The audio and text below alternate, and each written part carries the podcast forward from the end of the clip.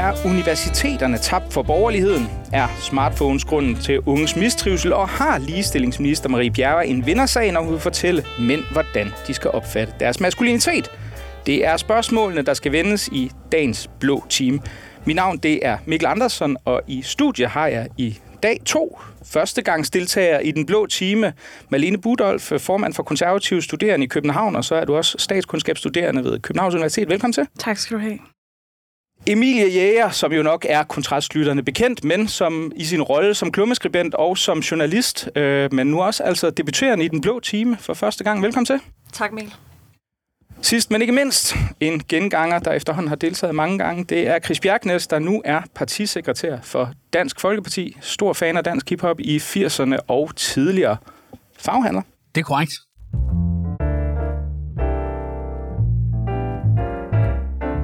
Malene Budolf, du har tidligere fortalt om det til kontrast, men jeg kunne godt tænke mig at høre, hvad det var, du oplevede, da du kom ind på konservative studerendes lokaler på Københavns Universitet, sådan øh, om morgenen fredag den 12. maj. Ja, men øh, jeg mødte ind til synet af et fuldstændig vandaliseret foreningslokale, hvor vores sumtjenere, hvor vores øh, så fine som brevhatte hænger på, normalt var væltet. Udover det hele lå der valgplakater, der var revet ned af væggene og spredt for alle vinde, efter vi havde stablet dem pænt i bunker, hvor de har ligget så fint i meget lang tid. Øh, borer, stole var væltet, vaser, sterinlys var smadret, og det var meget tydeligt, at øh, der var nogen, der havde hygget sig nede i vores lokaler med et klart formål om, at øh, vores budskaber, de i hvert fald ikke skulle eksistere dernede. Så du mener, der er tale om, øh, om altså, decideret politisk herværk og vandalisme i den her samling? Ja, det mener jeg simpelthen af en årsag, og, og det er, at det her det er ikke et gement herværk. Det er ikke øh, set før på, øh, på lokalerne på universitetet, og det er jo ikke første gang, at konservative studerende hverken på Københavns Universitet eller Syddansk Universitet har været vidne til øh, den form for vandalisme. Prøv at fortælle lytteren lidt om, hvad det er, I, I, øh, tidligere har oplevet, altså øh, så både som forening og som enkelte medlemmer. Ja, altså i min tid som formand har jeg ikke kunne berette om et enkeltstående tilfælde, hvor vores valgplakater er hængt rundt omkring på universitetet, uden at øh, de har øh, været reddet ned, revet i stykker, eller blevet besudlet med forskellige ting fra for eksempel anarkistiske studerende, der mente, at det var okay at rende rundt og hænge deres budskaber op over vores valgplakater. Så det er noget, vi ser generelt, og det er noget, der er blevet et rammevilkår øh, for at føre valgkamp på landets universiteter, og, øh, og det er noget, der generelt hærer i, øh, hvad kan man sige, hele den debat, der foregår på universiteterne omkring studenterdemokrati, at vi borgerlige studerende oftest ser os nødsaget til at underlægge os de her rammevilkår. Og de rammevilkår, altså der mener du ganske enkelt hvad? Altså intimidering og, og nedtagning af jeres valgplakater, men er der også noget, der sådan påvirker altså jeres, jeres medlemmer konkret? Altså, jeg ved... Ja, altså det er det jo helt klart, fordi at vi stiller os jo op rent personligt, lægger navn til, øh, får taget billeder af os selv, som vi hænger op og stiller opsætte de her forskellige øh, organer, der findes på universiteterne. Jeg har jo selv haft valgplakater med mine billeder op rundt omkring. Øh, dem fandt jeg en tidlig morgen en gang i november, da der var univalg liggende på gulvet med sort maling ud over sig. Så det er jo enormt ubehageligt, og det er der også noget, der kan afskrække de fleste studerende, som måske ikke er så hårdhudet fra at engagere sig i, øh, i det studenterdemokrati, der egentlig påviler øh, universiteterne at skulle eksistere. Det står jo meget klart i universitetsloven. Jeg ved, at, øh, at hvad det hedder, øh, øh, studie, øh, eller Københavns Universitets administration har politianmeldt det her herværk, ja. og de var også ret hurtigt ude at tage afstand. Men jeg ved også, fordi vi har jo, vi har jo snakket sammen i forbindelse med, at jeg skrev en artikel om det her, der, ved, der, der fortalte du mig, at, at du havde ikke altid oplevet, at universitetet måske tog til det, den repression, som I oplever, sådan så alvorligt, som du kunne have ønsket. Kan du prøve at uddybe lidt, hvad det er for, ja, for nogle ting, du taler med Altså, det er ikke nogen hemmelighed, at øh, vi også har kæmpet vores kampe med ledelsen på Københavns Universitet for at få dem til at tage et ansvar selvfølgelig. Øh, og de har, de har siddet lidt på hænderne. Der er ikke rigtig sket så meget andet, end at vi i lukkede fora og så videre har talt om, hvordan vi skal få studenterdemokratiet udbredt, så alle forstår, at det, her der er det altså tolerance også over for øh, borgerligt politik, som om det skulle være noget nyt i demokrati, at der skulle eksistere tolerance for folk med modsatrettede holdninger. Øh, men det bliver, der, det bliver der flittigt talt om, når vi tager det op til de her forskellige dialogforums. Det er første gang, øh, at øh, universitetets ledelse, dekanatet i, øh, i den her situation, faktisk øh, går ud offentligt, støtter op om vores anklage omkring, at det for det første er politisk motiveret, og at man så selv uden opfordring fra os øh, vælger at politianmelde situationen. Så det ser vi meget glædeligt på, men altså, vi mener helt klart, at der skal ske noget mere. Øh, det er jo heller ikke nogen hemmelighed, øh, i hvert fald for dem, der har været engageret i debatten og i situationen, at vi har haft tæt kontakt med ledelsen, så derfor der valgte jeg også øh, at skrive til Rune Heiberg, som er kommunikationschef for det samfundsvidenskabelige fakultet, næsten ja, lige efter jeg selv var kommet ned i lokalet og så, hvad der var sket, og bad ham om at komme ned for at besigtige det og ligesom kunne give mig ret i, at det her, det er i hvert fald ikke noget, vi skal finde os i. Og han, øh, han var også meget chokeret og mente også, at det, det her det kunne godt tyde på, at det var politisk motiveret. Og så må jeg jo så derfra øh, gå ud fra, at det er ham, der har taget det op med dekanatet og fået Mikkel Vedby, som er dekan for det samfundsvidenskabelige fakultet, til at gå ud offentligt med den her støtte. Der, der har tidligere været medlemmer øh, af konservative studerende i København ude og, og også udtalt om, hvordan de sådan på et mere personligt plan som enkeltmedlemmer, altså der, der står jo frem, øh, efter som, som du selv har nævnt, at, at jeres ansigt der er på valgplakaterne, altså så er man jo ligesom kendt som værende borgerlig, der egentlig har oplevet, at det har været svært også at have sådan en social omgang med, mm. med folk, fordi man er blevet demoniseret. Er det noget, du selv har oplevet, at der sådan har været, hvad kan vi kalde det, sociale konsekvenser i den henseende, eller hvad? Jeg ved ikke, om jeg vil sige, at der har været sociale konsekvenser, øh, netop også fordi, at jeg har fundet mit fællesskab i konservative studerende på universitetet, men det er klart, at for de borgerlige studerende, der sidder i klasselokalerne i Muttersalien og, øh, og må ja, finde sig i, at øh, de sidder omringet af en masse venstreorienterede, som ser ned på deres holdninger, også rent akademisk øh, må føle sig enormt alene, og det er også oftest det, jeg hører, når vi får nye medlemmer. Øh, konservative på Københavns Universitet har jo 450 medlemmer, øh, og vi er vores medlemskare er jo stedet stødt de seneste par år, også i takt med, at øh, vi ligesom har formået at skabe en større synlighed af, her er der rent faktisk et fællesskab, hvor du som borgerlig studerende på Københavns Universitet har en plads. For den plads har vi ikke andet steds. Emilie Jæger, du, du har jo også skrevet om dine oplevelser om at være med at være borgerlig universitetsstuderende. Det var altså nede, nede på, på Syddansk Universitet, og ikke i det her sådan urbane hellscape, som København jo er, som alle gode borgerlige godt ved, at det involverer, skal jeg skynde mig at sige, det involverer altså ikke herværk, men, men også sådan en meget udtalt konsensus blandt både øh, medstuderende og undervisere om, at, at den rigtige øh, måde, og, eller de korrekte politiske anskuelser, de ligger altså nogle gange til venstre for midten. Øh, altså, tænker du sådan, hvad kan man sige, har du oplevet den samme form form for kultur, som det Marlene beskriver nu her? Øhm, både ja og nej. Altså, vi har ikke oplevet herværk på Syddansk Universitet på samme måde som det billede med den vandalisering af det lokale der. Det har vi ikke oplevet. Men altså, det jeg oplever er en helt ekstrem bias fra særlige undervisere. Altså, det største eksempel på Syddansk Universitet er jo helt sikkert det her med verdensmålene. Altså, det er jo øh, basalt umuligt for mig at gå ind i et klasselokale uden at få sådan et øh, klistermærke med noget FN's verdensmålspis lige i hovedet. Altså, det er simpelthen alle steder, og det er undervisere, jeg skal høre på at stå og beklage over for mig, at ah, jamen, altså, jeg er virkelig ked af, at den her øh, pensumliste, jeg har lavet, den er ikke blevet helt lige så mangfoldig, som jeg egentlig godt kunne tænke mig, den har været. Det er sådan noget, jeg skal høre på. Jeg skal sidde til undervisning om terrorister og have forklaret af mine forelæser, at vi simpelthen øh, skal inkludere dem her mere, de her terrorister mere, anerkende dem mere. Ja, og de jo forresten, så har man jo også fundet ud af, ifølge den her underviser, at der jo ikke er nogen terrorister, der er blevet mindre ekstreme af at være indespærret, som om, at det øh, græder mig en band Så det er sådan nogle ting, vi hele tiden bliver bombarderet med, synes jeg faktisk. Øhm, og det er jo ikke et spørgsmål om sådan, okay, jamen, Emilie, så hører du lidt øh, venstreorienteret undervisning, og så hører du lidt højreorienteret undervisning, og så er der lidt balance i det. Det er sådan ikke sådan der. Det er en lang, lang største del af underviserne, som er venstreorienteret, og det indoktrinerer simpelthen vores, øh, vores ungdomsgeneration, og det er helt fra, altså jeg kan huske første gang, jeg skrev om det her, det var tilbage i gymnasiet, hvor der også var nogle helt crazy tilfælde. Det er igennem hele vores uddannelsessystem, at vores ungdom bliver indoktrineret med de her holdninger fra venstreorienterede lærere, velmenende lærere, det er, det, altså det er jeg øh, ikke i tvivl om, at de mener det godt. Chris Bjergnes, du er, jo, du er jo den i studiet, der har været noget befriet for at færdes i akademiernes sådan hellige haller. Hvad tænker du? Gudskelov du, du øh, for det. I øvrigt må jeg bare sige, øh, jamen, altså, jeg synes jo, det er jo, det er, det er jo forfærdeligt at høre, øh, men, men det er jo desværre noget, vi har stiftet bekendtskab med øh, mange gange og i mange år, og, og, og sådan set også i årtier. Jeg synes, det der er sådan lidt problematisk, jeg synes, det der er desværre for borgerligheden omkring det her med, med universiteterne, men sådan set i det hele taget, øh, i, øh, når vi kigger på, på bredt øh, på de her uddannelser, jamen så har venstrefløjen været enormt gode til at mobilisere deres kræfter. Altså, de har studenterforeninger øh, gang masse, altså vi kan dårligt nok nævne dem, øh, fordi vi ikke kan tælle til så mange. Øh, øh, altså, der er virkelig mange forskellige foreninger på det. Øh, og det har de været dygtige til. Øh, konservstuderende øh, har jeg dyb respekt for. Øh, jeg var selv med i et projekt for, for mange år siden, dengang Lars Løkke var borgerlig statsminister, var med til at åbne det, det hed borgerlig studerende. Det, det løb ud i sandet, fordi vi var idioter. Øh, men, men, men det, der var tanken blandt det, det var sådan set at, at lave noget både for erhvervsskoler, for universiteter, for gymnasier, og ligesom prøve at sige, vi prøver at lave en samlet blok her, så der ikke er en socialdemokratisk, eller nogle kommunister, eller nogle andre.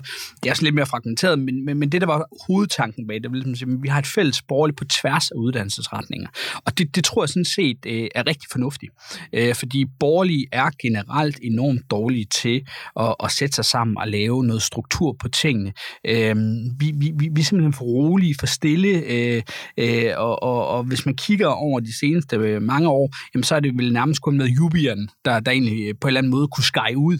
Øh, og sådan er det jo med unge mennesker, men man går til ekstremerne, man har brug for at udtrykke sig på en eller anden måde, og det, det ligger ikke rigtigt til, til, til borgerlige mennesker. Altså, vi, altså det mest øh, kontroversielle, øh, der, der sker for borgerlige mennesker nu om dagen, det er, at de render rundt med et kongemærke, ikke? og det er ikke, fordi de virkelig øh, giver balav ud på universiteter, nogle få tager også slips på, og så tager I pæne kjoler på, ikke? Men, men det er ikke noget, der rykker sig. Altså, det, det, det er det sgu ikke. Så, så jeg synes, det er ærgerligt, øh, og jeg synes, det er nogle skrækkelige historier, øh, og, og, og det skal man slå hårdt ned for, øh, når, man, når man ser, at der sker der. I er gode til at råbe op, og det er jo, altså, I er virkelig velformuleret omkring det, men, men jeg tror, at det, der er brug for, det var faktisk nogle af de her tanker, der var i borgerstuderende, det er, at man får lavet noget på tværs af uddannelsesretninger og slå sig sammen, fordi altså, kan man få en af de kræfter, der ikke er mange af, jamen så, så, så har man øh, på en eller anden måde en stærkere stemme. Altså man kan sige, jeg er meget enig med dig, Chris, øh, at der, der er jo en eller anden anden tilgang, øh, som vi borgerlige oftest besidder. Vi er jo ikke så gode til at øh, tage alle de der midler, man godt kan lide ude på venstrefløjen i brug med at være oprørske, og herværk åbenbart også. Øh, det ligger i hvert fald ikke lige til højrebenet for os borgerlige. Man kan sige, at det, der har været et af de store problemer, jeg også vedkender mig, det er, at øh, vi borgerlige studerende, konservative studerende, vi har været dårlige til øh, at mobilisere os, hvis man kan sige det sådan. Øh, jeg synes, i den senere stykke tid, måske også kvæg, at jeg selv er blevet formand og står i spidsen for det, så synes jeg faktisk, at vi formår at gøre et rigtig godt stykke arbejde. Der, hvor vi halter bagefter, det er også fordi, at vi er op imod øh, nogle studenterorganisationer, som jo påråber sig politisk neutralitet, hvor de i virkeligheden ikke er det.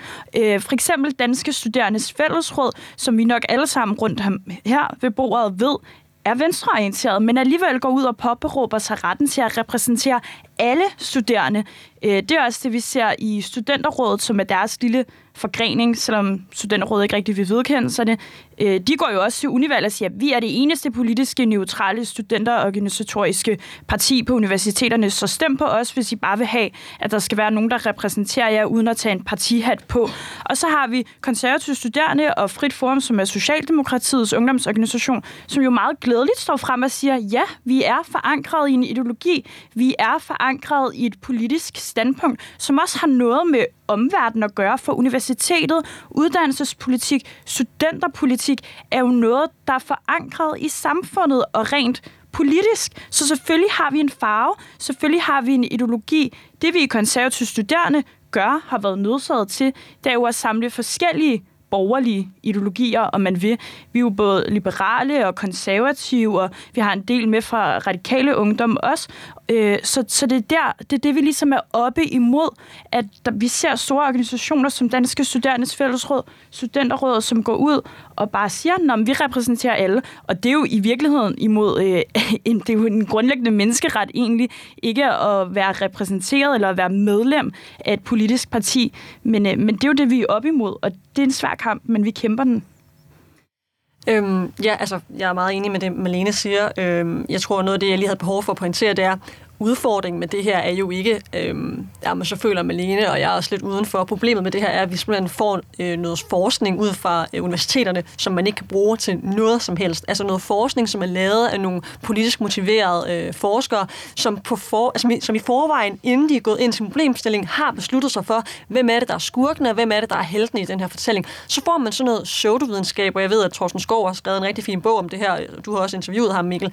Altså får man simpelthen noget forskning, hvor hvor som bare man ikke kan bruge til noget som helst, øh, og hvor der også er emner, hvor man så slet ikke må forske inden for det. Ved, Weekendavisen har haft en super fin artikel om det her med, at der var simpelthen forskere, som følte, de ikke kunne øh, lave videnskab om transkønnethed, fordi det var simpelthen for politisk korrekt, og det kunne man ikke lave forskning om. Så det ender med, at vi får noget forskning, som man ikke kan bruge til noget som helst, og hvor altså, niveauet bare er så dalende, at det er helt øh, skørt. Altså jeg kan huske, øh, Astrid Johanne Høgh har snakket meget om det her med, at, der, øh, at matematik er blevet racistisk. Altså det er så tosset, man kan slet ikke forestille sig det. Og når øh, Morten Messerschmidt og Alex Arnsen og Henrik Dahl, de så kommer med de her eksempler og siger, øh, hey, vi har en øh, problemstilling her, så får man at vide, åh, men nævn nogle kon- konkrete eksempler, og så nævner de eksempler og siger, åh, det er en personlig hets, du må ikke nævne folk med navne. Altså, det er sådan lose-lose. Men altså, man kan jo sige, at Morten Messerschmidt og Henrik Dahl fik jo gennemført den her udtalelse, som jo ikke var forpligtende over for universiteterne i nogen som helst samtale i, i forrige samling, hvis jeg husker, husker rigtigt. Altså, så der mm. sker vel et eller andet, men, altså, kan man, altså, men man kan jo godt sige, jeg har da en mistanke om, at mange af de øh, undervisere, som Emilia nu nævner, øh, måske ikke vil være specielt imponeret. Det er måske endda det, tværtimod det modsatte at, at stå på at være super venstreorienteret, fordi de har deres akademiske frihed og armslængdeprincipper, jeg skal komme efter dem. Jamen, altså, ja, altså det er jo to forskellige ting, vi har snakket om, mm. men der er jo ingen tvivl om, når, når vi kigger ind i undervisningslokalerne, som, som det du løfter, Vilja, så er der jo ingen tvivl om, at, at, at der er nogen, der er enormt bias, der er nogen, der... Og det, det, det er virkelig på tværs af, af, af hvilken uddannelse du går på, men så er det jo en, en, en, en katastrofe, at der er så mange, øh, som er så bias og har, øh, uden var deklarere det. Altså, fordi det er sådan set på en eller anden måde, mm, øh, jeg synes jo, det, det, det hele skal være neutralt, og det skal være, altså, det er jo, det er jo forskning, det, det, det er seriøsiteten i det, altså, man skal ligesom have noget ud af gå, og det er jo derfor, vi betaler så mange penge for det, for fanden. Men, men, men, men, men hvis man bare deklarerer det, så okay, jamen, så, så, så er det fair nok på universitetet, at øh, man, man, man øh, ønsker på, på nogle forskellige fag og, og, og, og dangdere den der. Øh, så det er da en problemstilling. Det er der ingen tvivl om. Men man kan vel sige, at i nogle grad er, er der, kan man sige, at der er vel en, en slags fællesnævner for det, for jeg er selvfølgelig klar over, at det er jo, det er jo tydeligvis ikke de undervisere, som Emilie taler om, der går og begår herværk mod konservative sunnet. Det, det regner i hvert fald ikke med, det vi ved ikke, hvem det er, men det er det, det er det trods alt formodentlig ikke, men man kan vel sige, at, det, altså, at den slags ting forekommer, kunne man jo også godt have en hypotese om, var en funktion af, at der faktisk er utrolig få borgerlige, altså konsensus er så udtalt venstreorienteret på de videregående uddannelser, og det er også et problem, fordi at man kan sige, det er vel et, eller et, et udtryk for, at der er så utrolig få borgerlige unge, der faktisk ser ud til at, at søge ind i virkeligheden, hvis mm. jeg husker rigtigt, for de meningsmålinger, jeg har set på statskundskab, så er det sådan, mm. at de radikale som regel kan, kan danne regering med sig selv. Altså, ja, det, og det er jo det mest uhyggelige, man næsten kan forestille sig. Ikke? Så der er vel også en eller anden pil, der, eller finger, der ligesom peger tilbage på os selv, fordi hvad pokker er det, der gør, at borgerlige til synlædende ikke vælger at søge ind på universiteterne, fordi det er jo der, teorierne bliver formuleret, og alt det andet, som vi kommer til at beskæftige os med i årene fremover? Altså man kan sige, at det er måske lidt et spørgsmål om hønen eller ægget, fordi når øh, pensumlister for eksempel skal sammensættes, så er det de enkelte studienævn, der står for det. Øh, og der sidder der for eksempel på statskundskab, der sidder der fire øh, studenterrepræsentanter, som er valgt til de her univalg, øh, og er de studerende, øh, og så sidder der fire øh, lærere eller professorer, og så sidder de og gennemgår den her pensumliste sammen. Øh, så ja, høn eller ægget, fordi det er jo de venstreorienterede, der kommer ind i studienævnene. Det er jo dem, der får pladserne, fordi øh, at de studerende er så venstreorienterede, som de er. Øh, og en øh, situation, vi har talt meget om i konservative studerende, og som jo faktisk for alvor øh, rammesætter vores eksistensgrundlag, øh, også når man snakker akademia, og ikke bare studenter og politikere, nu går vi rundt og leger, at vi er vigtige politikere eller et eller andet, det er jo øh, den her diskussion, jeg ved ikke, om alle kender til den, men om, at der skulle være kvoter på pensumlister.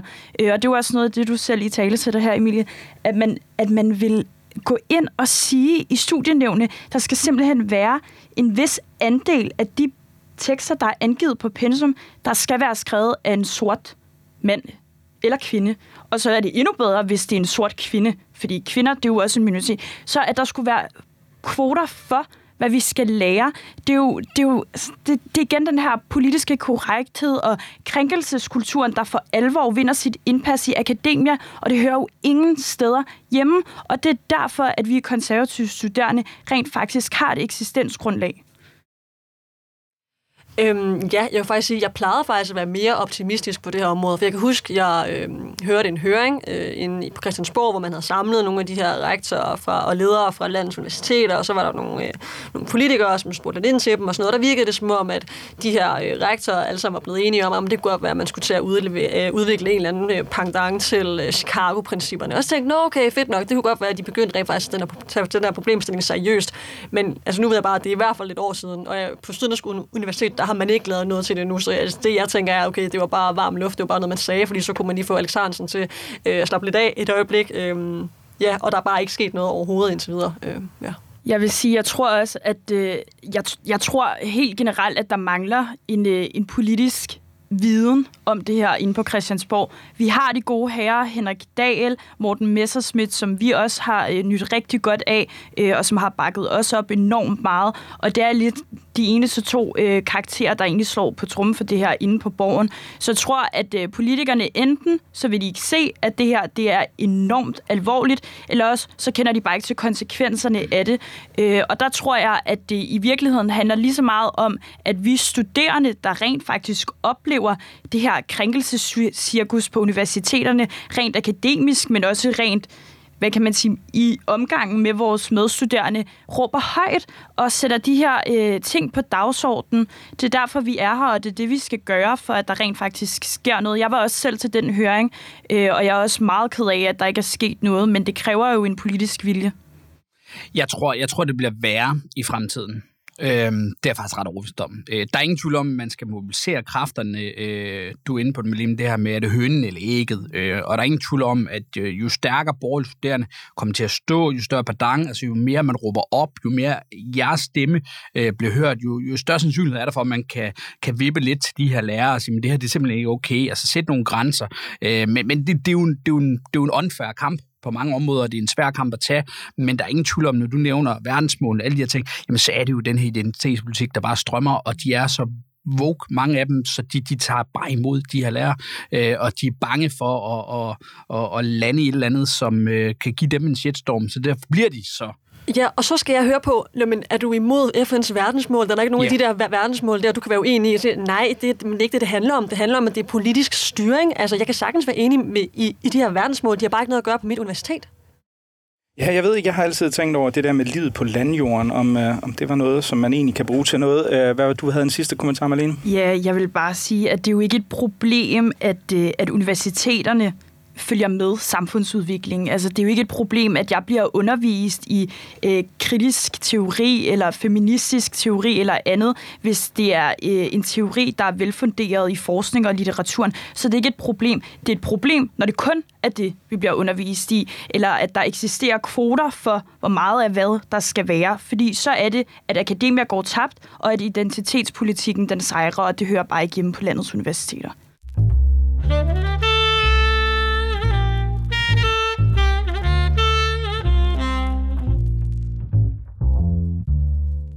Det er ikke trafikken, der er det farligste for børn nu. Det er den her. Det erklærede statsministeren tirsdag fra Folketingets talerstol, og den her, som hun refererede til, var noget så ellers tilsyneladende uskadeligt som en mobiltelefon. Men der er faktisk en del, som tyder på, at særligt sociale medier det har en skadelig effekt på unges psykiske velbefindelse. På kontrast, der har vi tidligere skrevet om, hvordan særlige piger og i øvrigt også meget, i meget høj grad venstreorienterede, de rapporterer om dårlig trivsel og psykiske problemer. Statsministeren nævnte ikke nogen konkrete politiske tiltag, men erklærede sin villighed til at lovgive om emnet med ordene. Skal vi regulere? Ja. Skal vi passe på vores børn og unge? Ja. Skal vi have skærmene mere og mere ud af skolen? Ja. Skulle de aldrig nogensinde have været inde på vuggestuerne og børnehaven? Nej. Og det er jo mange polemiske spørgsmål, og der er følgende svar. Men hvad siger du, Chris Bjergnes? Øh, står du bag ved, øh, ved vores statsminister i, øh, i det her spørgsmål? Øh, generelt står jeg ikke bag Mette Frederiksen, men lige på det her spørgsmål vil jeg faktisk sige, synes jeg, hun har ret i noget øh, og har en pointe. Der er ingen tvivl om, at øh, det er jo et af de øh, største emner lige nu her. Det er jo, hvordan vi, øh, hvordan vi håndterer den digitale verden, og hvordan vi øh, håndterer øh, den, øh, øh den teknologi, der er bag. Øh, så, så ja, jeg er sådan set enig med hende. Jeg er ikke sikker på, øh, og, og det lyder faktisk heller ikke på statsministeren eller regeringen i det hele taget, at de har nogle konkrete løsninger øh, på området. Øh, nu har vi jo sådan set en digitaliseringsminister, men hun er måske også ligestillingsminister, før hun er digitaliseringsminister. Men der er jo ingen tvivl om, at det er et område, som er enormt vigtigt. Øh, vi så det jo også for noget tid siden, at øh, unge har svært ved at læse. Øh, bare de her 30 minutter om dagen. Øh, og, og, jeg, og jeg tror, der er et eller andet i, at, at det her med, at øh, den digitale verden, hvis vi ikke får fundet en ordentlig konkret politik øh, både i uddannelsessystemet, men sådan set også forældre, jamen så, så er det lidt ligesom sådan en form for sukkerpolitik. Øh, og hvis man ikke får sat nogle begrænsninger på unge mennesker omkring deres brug af, af den her teknologi, jamen så har det nogle store konsekvenser. Øh, og, øh, og der er uddannelsessystemet, hvor man skal prøve at se, at man kan holde udenfor. Vi har været ude med nogle konkrete tiltag i, at man ikke skal bruge det i eksamener og lidt forskellige ting. Og det har vi jo, altså det, det diskuterede vi faktisk relativt meget, øh, som man nu kan diskutere i dansk politik, fordi det hele går så vanvittigt stærkt sagt. øh, så vi har dårlig tid til at lave nogle lovforslag, uden vi får teknologien til at hjælpe os jo. Øh, så, så, så, så, så, så er vi også lidt i tvivl om, om, om det er det rigtige, fordi teknologien kan også en masse godt. Altså, men, men det vigtige at påpege, tror jeg, det er, at teknologiet skal være et supplement. Det skal ikke være det primære. Og det er jo måske det, måske lidt er blevet for, for navnlig unge mennesker, det er, at det er blevet det primære produkt. Altså, vi snakker ikke sammen. Vi har ikke en omgangstone på samme måde, at det er den digitale verden, de lever mere og mere i. Øh, man parkerer børn. Øh, det er derfor, vi snakker børn, og børn, eller vuggestuer og børnehaver. Jamen, det, det, er jo, det er jo bare lettere. Altså, alle mine venners børn, altså når jeg kommer hjem til dem, så er de parkeret med en iPad, hvor de skal gå gris, ikke? Og man tænker, hvad fanden er det for noget? Øh, er der ikke noget Lego, de kan lege med, eller et eller andet? Ikke? Øhm, så, så det er blevet et redskab. Altså, det er jo det, der er blevet det primært. Og det synes jeg er drønævnligt, fordi det skal være det sekundære. Så jeg er enig med statsministeren. Jeg er bare i tvivl om helt præcis, hvad vi skal gøre, men det er jo glædeligt, at vi begynder at have samtalerne om det. Og det er vi jo netop, fordi at nu er der kommet AI og alle mulige andre ting, som øvrigt buller økonomisk derud af. Altså, det er jo helt sindssygt i dag, de er ude med, at, at det går 50% bedre sådan rent økonomisk for, men de overhovedet regnet med, øh, på trods af, at der er en masse øh, fejl i det her system. Altså, jeg ved ikke, om I har brugt det, men det er sådan helt syret. Altså, jeg, jeg, jeg slog mit eget navn op, ikke? og tænkte, hold kæft, man, der stod partiformand. tænkte, hold kæft, det er sgu en stor kanon. Så gik det sgu op for mig, det var for stram kurs, så tænker jeg, nah, okay, øh, det kan godt være, jeg skal til at tabe mig alligevel, så jeg ikke lige en Rasmus Paludan. Øh, så der er også udfordringer med det, det må vi sige. Chris, og jeg vil jo være utrolig fristet til, til at spørge ind til, hvor mange øh, konkrete lovforslag, som øh, DF har fremsat, der faktisk er formuleret af ChatGPT. Det vil jeg dog ikke gøre. I stedet for at høre dig, Emil, kan vi, kan vi også få en opbakning til, øh, til vores kære socialdemokratiske statsminister fra din side? Ja, jeg, jeg er ikke meget for det, men jeg bliver nok nødt til at gøre det i det her tilfælde. Der er i hvert fald ikke nogen tvivl om, at vi gør os selv en kæmpe bjørnetjeneste ved ikke at få reguleret på det her område øh, meget, meget snart.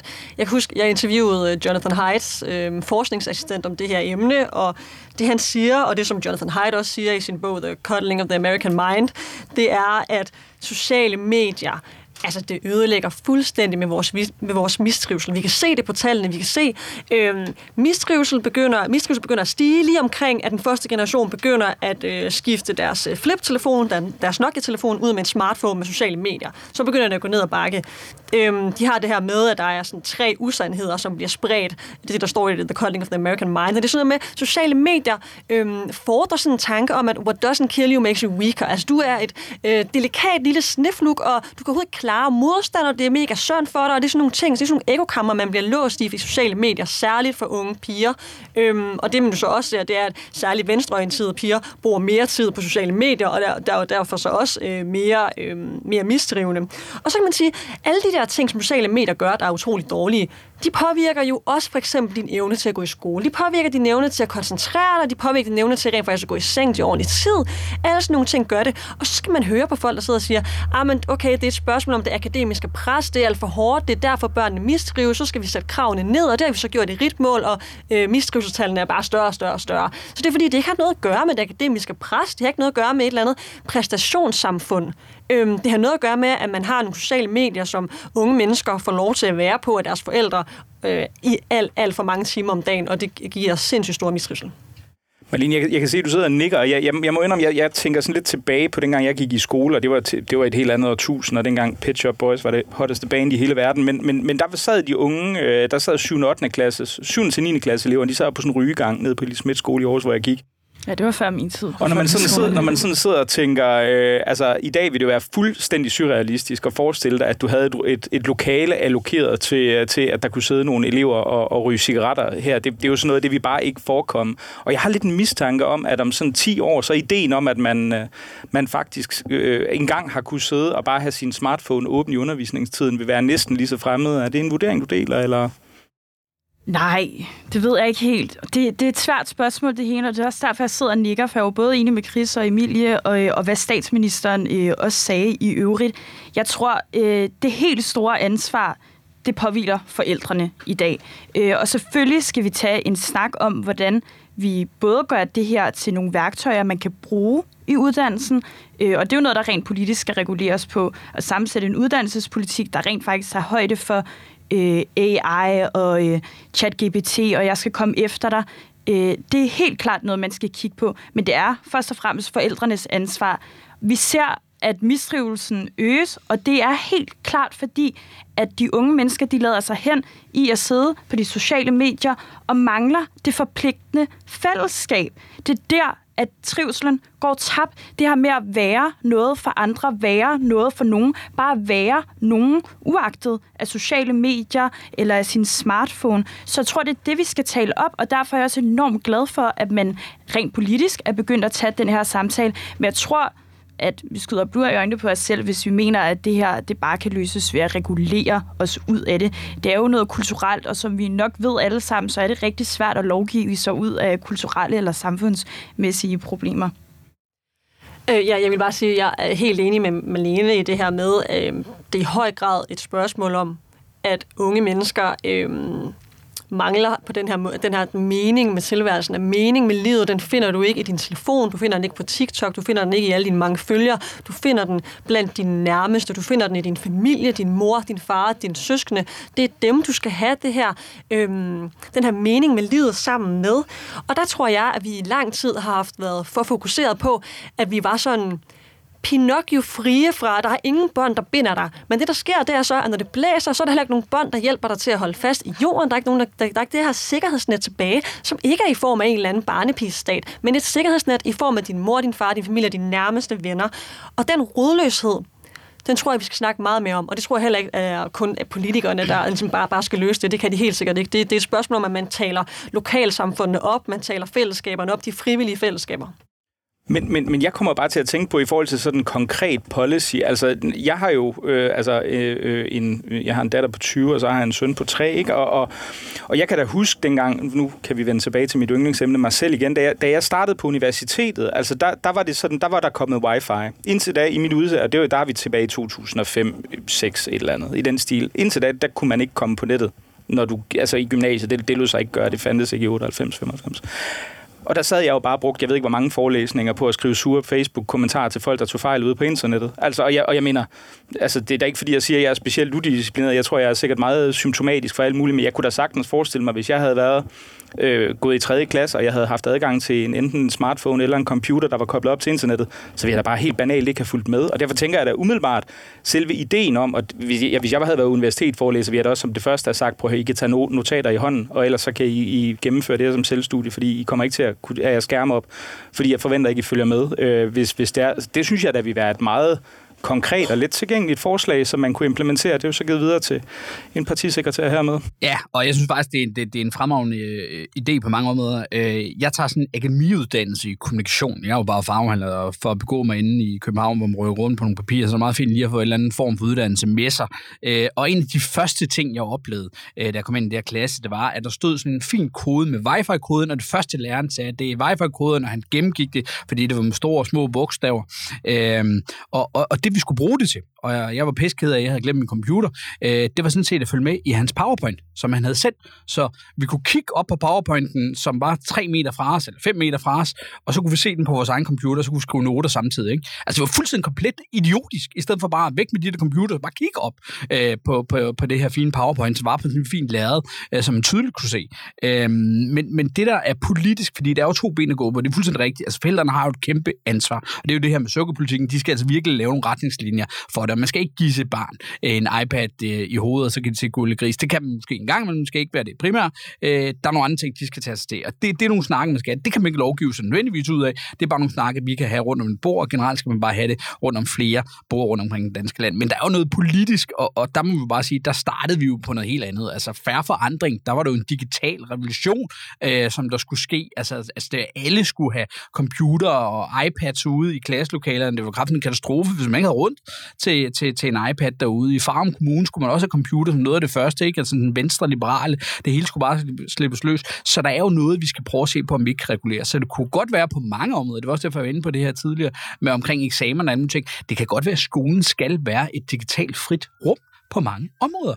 Øh, en gang imellem giver det mening at bruge det, men det kan også være nogle ting, man egentlig faktisk kan fjerne. Jeg kan huske, da jeg var i lærer som tømmer, ganske kort periode, der var jeg på det første hold, hvor vi skulle tegne i hånden. Det var pisse svært. Og så skulle man lige pludselig over noget, der hedder AutoCAD, skulle man sidde på en computer og tegne. Og jeg kan huske, vi var mange af os, der stillede, hvorfor fanden skulle vi det? Altså, hvor fanden skulle vi ikke øh, på, på, på, på det der? Jamen, det var den digitale verden. Altså, der, der, der var ikke rigtig nogen argumenter for, hvor fanden vi skulle over på en computer. Det kan godt være, at i dag det giver mening, men, men, men, men, men det kunne noget andet, at du sad fysisk med en kuglepille eller en blyant og sad og tegnede. Og som Sørine Godfredsen jo også har sagt i her den blå time før, man lærer jo også bedre af at skrive i hånden. Du forstår bedre de ting, du skriver, og du lærer ved at skrive dem ned i hånden. Øhm, ja, så det vil jeg bare lige tilføje til det. Derudover i forhold til mistrivsel, så tror jeg også, noget af det, som vi bliver nødt til at snakke om, det er unge mennesker. Jeg tror, mange unge mennesker har en forkert forestilling af, hvad det vil sige at leve et godt liv. Det er som om, øhm, når man, hvis jeg møder modgang og har det skidt, så er det fordi, at der er et eller andet øh, unfair, uretfærdigt samfund imod mig, øhm, og det skal vi en eller anden, på en eller anden måde fikse. Men det skal vi ikke. Livet er mega hårdt, og nogle gange så har man rigtig ondt i det, som jeg ved, at Henrik Dahl også har sagt øh, rigtig fint nogle gange. Altså, det skal ikke på en eller anden måde gøre sådan så mistrivsel, der skal man bare sygeliggøre det. Og så er det spørgsmål, om unge mennesker skal på en masse medicin, og de skal snakke med en, med en psykolog og alle sådan ting. Nej, nogle gange så er det spørgsmål om, at livet er også hårdt, det er en del af det, øh, og så har det også sådan lidt, hvis du bliver med at spørge ungdommen, ah, men har du det ikke bare mega dårligt hele tiden? Ja, så kommer der nok til at være et tidspunkt, hvor unge mennesker siger, ah, jo, jeg har det faktisk også mega dårligt, fordi du bliver med at stoppe det der spørgsmål ned i halsen på det. Det er ikke fordi, at jeg vil sige, at der ikke er nogen unge mennesker, som har det skidt. Det er der. 100% sikkert. Men hvis vi bliver ved med at tale det op, som om at det er et kæmpe problem, at man nogle gange mistrives, så tror jeg, vi kommer til at få en ulykkeligere generation af unge mennesker, end vi har behøvet. Jeg er jo meget enig, og det er også derfor, at jeg er enormt bange for øh, bare at sidde her og snakke regulering, og at det er politikerne, der skal tage ansvar, når vi taler øh, digitalisering og de her problemstillinger, man ser af det. Fordi jeg tror rent faktisk, at den her øgede mistrivsel, vi ser, mistrivselskrise, og man vil, er der nogen, der rigtig godt kan lide at kalde det, det er simpelthen de rådne frugter, øh, som den formynderiske barnepigestat har høstet et flot træ engang, som vi, især i min egen generation, øh, har ledet os hen i en tro på, at hver gang der er noget, der er galt, så vender vi bare blikket mod staten, gør noget, gør et eller andet. Og det er derfor, min generation er blevet så god til at påberåbe sig den her offermentalitet. Hver gang der er et eller andet galt, som at nu skal vi for eksempel øh, slikke på kravene på universiteterne. Og derfor er jeg også enormt bange for, øh, som du Chris nævner, at vi bare skulle tage alt det digitale ud af folkeskolerne, fordi jeg tror måske mere, det handler om at klæde de unge mennesker på til, hvad det er for en verden, de begår sig i. Og det er det, jeg er bange for, der sker, hvis vi bare siger, at nu fjerner vi alt det digitale, for der er nogle steder, hvor det giver mening. Selvfølgelig skal man lære at tænke kritisk øh, og tænke kreativt, uden at ChatGPT skal sidde og fortælle dig, hvordan du skal gøre. Selvfølgelig, men vi skal ikke fjerne alt det digitale fra folkeskolen, for så kommer de ud en gang, når de er færdige i 9. klasse, og ved ikke, hvordan de skal begå sig på sociale medier, eller at en AI-robot kan være biased. Det skal vi lære dem i folkeskolen.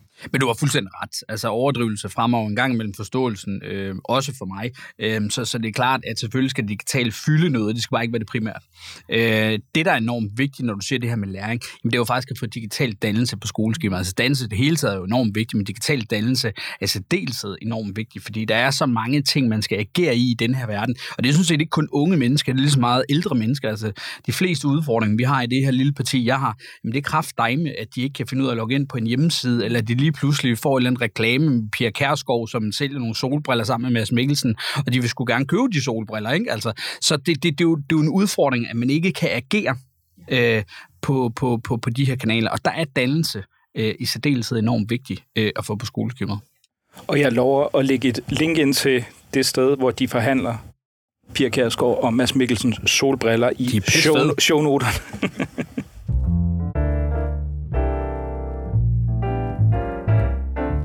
Mit ønske er, at vi får bredt det mandlige kønsbegreb ud, forklarede Venstres ligestillingsminister Marie Bjerre for nylig i et interview. Og hun supplerede onsdag i Berlinskes podcast Pilestræde, hvor hun forklarede, at det er meget begrænsende at være mand, og at hun jo ikke rigtig kunne få øje på nogle kønsnormer, som det var godt at bevare. Og det er jo dejligt at have fået sådan en kvindelig minister, der kan forklare mænd, hvordan man er mand og maskulin på den rigtige måde, når vi mænd nu ikke selv har forstået det ordentligt. Mere konkret så handler det om, at mænd skal være fri for snærende strukturelle normer, som afholder dem fra at gå nok til læge, være svage, tale om følelser og samt tage barsel. Og hvad tænker du, Emilie? Er det på høje tid, at, øh, at vi mænd vi får, vi får stormet vores normer lidt? Øhm, ja, hvis vi gerne vil se vores samfund bryde sammen, så synes jeg bare, at det er det, vi skal gøre. Øhm, det er vigtigt for mig at sige, at jeg er egentlig enig med Marie Bjerre i, at der skal være mange, at der er mange måder at være mand på, og det er ikke nødvendigvis øhm, øh, hvad hedder det, skidt. Det, altså det, det, det skal man simpelthen kunne rumme, at der er øh, feminine mænd, og der er også maskuline kvinder, og det skal vi have plads til. Men det, man kommer til at gøre med det, som Marie Bjerre hun kommer til at sige her, det er, det er et udtryk for den moderne feminisme, som demoniserer al maskulinitet. Det mener jeg virkelig. Så vi har tilbage, at som Stefan Larsen engang sagde, den er den blå time, vi står tilbage med nogle demaskulerede unge mænd, som ikke kan finde ud af noget som helst, som sidder derhjemme og spiller Playstation, og er langt op i deres 20'er og 30'er, og ikke kan finde ud af, hvad fanden de skal gøre med deres liv. Og det er det, som den moderne feminisme gør ved at blive ved med at slå ned, slå ned på traditionelle, gode, mandlige værdier. Jeg er meget enig øh, med det, som Emilie siger her. Jeg så også en dokumentar, jeg kan ikke huske, om det var TV2, der lavede den, øh, der prøvede at øh, forklare hele det her Andrew Tate fænomen. Øh, og der forklarede man faktisk, at en af årsagerne til, at der måske var så mange mænd, der lod sig hen i at øh, støtte op og se Andrew Tate som sit store idol, var fordi, at de ikke vidste, hvordan man skulle være mand længere. Og, og her skulle jeg måske lige for lytterne indskyde, at Andrew Tate er sådan en, en meget stor, meget, øh, hvad skal vi kalde ham, i hvert fald højere orienteret på, på en let konspiratorisk, og, og nogle gange, jeg tror sågar, man selv som borgerlig godt kunne hæve, at han, at han havde touch af kvindefjendskhed over sig. Ja, ja, uden at, øh, uden at sige for meget, øh, så er der jo også mange, der har øh, sagt, at han ligesom er i, i hvert fald det 21. århundredes symbol på toxic masculinity. Øh, og det er jo det, der sker, når vi bliver ved med at fortælle mænd, at helt normale, hvad kan man sige, øh, biologiske, maskuline værdier og øh, tanker og alt andet er forkerte, så falder man hen i en eller anden tro på, hvor skal jeg så være? Hvem er jeg så som mand? Og så tror man lige pludselig, at en figur som Andrew Tate, øh, som nogen vil mene øh, repræsenterer den her toxic masculinity, er svaret på alle ens problemer. Så jeg synes også netop, at vi skal som samfund skal vi da tale det op, at der er forskel på kvinder og mænd. Vi skal kunne rumme mænd, der er feminine. Vi skal kunne rumme kvinder, der er maskuline. Men der er bare noget, der hedder kønsroller helt biologisk set. Og det er jeg bange for, at vi mister, når vi bliver ved med at tale om, at der ikke skal eksistere kønsstereotype normer. Hvad, Chris, har du behov for at få bredt dit, uh, dit maskulinitetsbegreb ud? Nej, det har jeg sådan set ikke. Øhm, jeg er, altså jeg er fandme gennemtænkt meget over det. Altså, jeg, jeg startede det her folketingsår med at tænke, hold kæft, hun er badass hun kan godt måske blive statsminister. Jeg var næsten på Morten Reimers hold, så at hun er en af de lysende talenter i Venstre. Øhm, det vil jeg ikke udelukke, hun stadig er, men jeg er godt nok blevet rasende på hende på mange områder. Jeg synes, hun bruger sin ministerpost fuldstændig forkert. Og jeg synes generelt, at... Prøv, prøv at uddybe, hvordan ja, bruger hun forkert? Altså, det synes jeg, fordi at, og det er sådan generelt faktisk, øh, synes jeg, at politik og politikere, som går ned med stress. Altså, øh, så jeg ikke ved hvad. Der er hastelovgivning, der er alle mulige forskellige udfordringer på Christiansborg i øjeblikket, men politikerne bruger mere og mere tid på ting, der ikke er politiske. Og jeg synes ikke nødvendigvis det, hun problematiserer, fordi det er jo det, hun gør. Hun kommer ikke, altså jeg er med på, at hun vil ud med noget kommission eller eller andet, måske kan prøve at kigge på, hvordan man ligesom kan, kan, kan prøve at gøre forholdene, fordi hun har prøvet at brede lidt ud. Okay, der er en masse mænd, der har nogle udfordringer. Det er der det der er fuldstændig rigtigt, men hun problematiserer noget, som er en form for feminisme på mange områder, som der ikke rigtig er nogen politiske øh, nye øh, retningslinjer for, hun vil udstikke, eller nogle nye reguleringer, eller krav, eller gøre noget. Altså, hun bruger sin ministerpost ikke i en sommerferie, ikke i en vinterferie, men i en politisk samling, hvor der er enormt mange ting, der bliver stresset og presset igennem. Vi snakkede omkring det her med abortgrænsen, ikke? Øh, som nu øh, er blevet rykket. Øh, på trods af etisk råd øh, skal sidde og kigge på det. Man har ikke engang ventet på etisk råd. Kommer og, med har, men, mener du, har mener du, at, at øh, det, det er spørgsmål om forældresamtykke, hvor det nu ser ud til, Præcis. at, at 15-årige kan og, gøre og jeg synes, og, og, og, og, og centret, eller kommissionen for, for den her glemt øh, kvindekamp øh, har også haft udfordringer, midlertidigt nedlukket eller lukket ned øh, øh, i en gemt boks og alle de forskellige ting. Det er bare vi frem til, det er bare, at man presser, presser og stresser øh, enormt meget inde på Christiansborg, og så beskæftiger hun sig med noget, som er enormt fluffy, som der ikke er noget konkret på. Og det, jeg synes, der ville have været rart omkring det her, i stedet for en mandideal, jamen det er jo sådan set at kigge på, jamen halter mændene øh, bagefter i uddannelsessektoren? Ja, det gør de. Øh, er der stadig nogle udfordringer omkring selvmord og alle mulige ting? Det er der.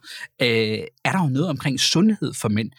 Der er nogle kæmpe udfordringer med sundhed af mænd. Øh, og der er der masser af ting, man kan prøve at kigge på. Mænd har svært ved at gå til lægen. Jamen, kunne det måske være, når man så kom op til lægen, øh, at man havde mulighed for at sige, okay, men så har vi en halv time, og så kan du komme med alle dine ting. Okay, du er ondt i knæet. Er der andre steder? Jo, jeg har faktisk også lidt ondt i hovedet. Der er også måske det ene eller det andet. Øh, men når man er oppe hos lægen, jamen, så er det kun én ting. Så skal du bestille en tid. 14 dage efter kan du komme op med en anden ting. Det gider man ikke. Altså, er der nogle forskellige andre ting, man kunne gøre det lettere omkring mænd? Altså, det havde været konkrete løsningsforslag, hun så ville komme med. Eller det kunne få en kommission til. Nu er det sådan noget fluffy feminisme mellem nogle mandeidealer. Altså, rend mig i røven. Men der er vel også, og du kommer jo lidt ind på det, Chris, altså der er vel også et spørgsmål i, i forhold til, altså jeg, jeg tror det var Kirkegaard, der engang sagde, at, at en af de store fordele ved at have en konge, det er, at han går faktisk ikke specielt meget op i, hvordan du går og gebærder dig sådan i det daglige, altså fordi han har egentlig nok øh, at gøre med at holde baller og, og, og regere landet, og han interesserer sig egentlig ikke specielt meget for, for hvad kan man sige, den enkelte borgers levende. Hvorimod i demokrati, jamen der er det lige pludselig ens nabo, som begynder at sætte normerne for det. Og kunne man vel godt gå ind og sige, jamen det er vel egentlig normer i civilsamfundet, som vi ser Marie Bjerre gå ind og ligesom at forsøge at problematisere. Og spørgsmålet er vel et eller andet sted næsten, er det egentlig det, er det egentlig det, vi har valgt politikere til? Hvad siger du, Emilie? Øhm, altså, jeg tror, at det, som Marie Bjerre her gør, det er faktisk noget, der er utroligt elitært. Altså, det, som hun siger her, det er... Øhm, det, som øh, Anna Libak faktisk skriver utrolig godt i et essay i weekendavisen, der hedder øh, Rige børn leger bedst, det er sådan noget med, det er simpelthen blevet så ind for meget øh, succesfulde mænd at vise sårbarhed. Det er simpelthen blevet så ind. Det er sådan noget, og Tobias Rahim, om der er den unge kunstner, han er sådan, åh, men mænd, der græder og sådan noget. Det, altså, det er utroligt... Øh, det er jo sådan noget, man kun siger er okay for privilegerede mænd, altså for, for mænd, der rent faktisk har klaret det. Vi gider jo ikke se sådan nogle øh, øh tudende øh, øh, lærerarbejdere. Altså, det, det, er jo ikke dem, som de siger, ah, men du skal også vise din, din sårbarhed, det accepterer vi dig for. Det er jo, det er jo hele tiden sådan en mega... Øh, ja, elitær forestilling om den her succesfulde mand, der nu skal til at vise sin, sin sårbare side og dyrke den og svælge helt vildt meget i den. Det er som om, det er det, hun fuldstændig misser. Men generelt så må man jo også bare sige, at hele den feministiske debat er blevet enormt elitært, altså elitær, og fokus på de elitære kvinder, når vi taler kvinder, kvindekvoter i bestyrelser. Det er jo enormt elitært. Det er jo de ressourcestærke kvinder, man prøver at give en ekstra hånd op. Vil nogen mene, det vil jeg så ikke. Men altså, det er jo, hvad det er. Så ja, den feministiske debat har taget sådan en, en virkelig, virkelig dårlig drejning, fordi det er der netop sådan nogle ting, som den feministiske debat skal kunne rumme. Det, som Chris nævner her, at vi ser problemer med mænd, der øh, falder bagud i uddannelsessystemet, hvor kvinder de dominerer øh, enormt meget, og mænd, der ikke går til lægen. Og det, det er sådan nogle ting, den feministiske debat skal kunne rumme, og det vil virkelig, virkelig klæde Marie Bjerre og i tale til de her problemstillinger og bruge feminismen for en gang skyld til noget fornuftigt. For feminisme handler jo ikke bare om kvinder, det handler om ligestilling. Måske lige, også sådan lige afslutningsvis se nærmere på, altså, hvad er det egentlig, der sker i Venstre? Altså, jeg må, jeg må indrømme, det er, jo, det er jo legitimt, at de har de synspunkter, de har, men, men sådan nøgteren betragtet, så er det her vel perspektiver, som man vi forventer at se fra SF's venstrefløj eller sådan noget for, for to år siden, og som det umiddelbart vil være meget svært at, at identificere tidligere tiders Venstre med. Hvad er det der? Altså, Henrik Dahl skriver jo med jævne mellemrum en klumme, hvor han spørger om, hvorfor er Venstre woke, tror jeg, han skriver det med W. øhm, og det er jo lidt, lidt der ligger så op af den her debat. Altså, hvad, hvad, hvad er det, der foregået i det parti? Altså, for mig at se, så er det endnu et udtryk for, at man har et venstre, som uden Inger Støjberg er blevet reduceret til sådan en slags radikale venstre, som så læfler for et eller andet urbant segment, som synes, det er mega fedt med alle de her måltal og kvoter for kvinder, og mega fedt, at mænd skal vise sårbarhed, og øh, altså det her med, hvor, hvor vattet venstre også er blevet i forhold til lovgivning omkring transkønnet. Og så har jeg det også sådan lidt, på lige forestille jer en situation, hvor der havde siddet en mand og belært andre om, hvordan den rigtige kvinde er og ikke skal være. Altså, det er jo helt tosset. Øhm, og så har jeg det også sådan lidt, altså, i forhold til, hvordan, øh, øh, hvad det er for en type af mænd, man skal være glad for. Vi har øh, et land i Ukraine, der er i krig lige nu. Altså, jeg tænker ikke, Ukraine, de kunne have holdt øh, skansen så lang tid, hvis deres mænd var alle sammen var sådan nogen, der rigtig øh, skulle dyrke der, der, deres sårbarhed. Så tænker jeg ret meget, at deres land var faldet sådan her. Så mange var ordene i dagens udgave af Den Blå Time, hvor jeg højtidligt vil love, at jeg aldrig nogensinde kommer til at græde for åben mikrofon. Tusind tak, fordi I kom, Marlene Budolf, Emilie Jæger og Chris Bjergnes.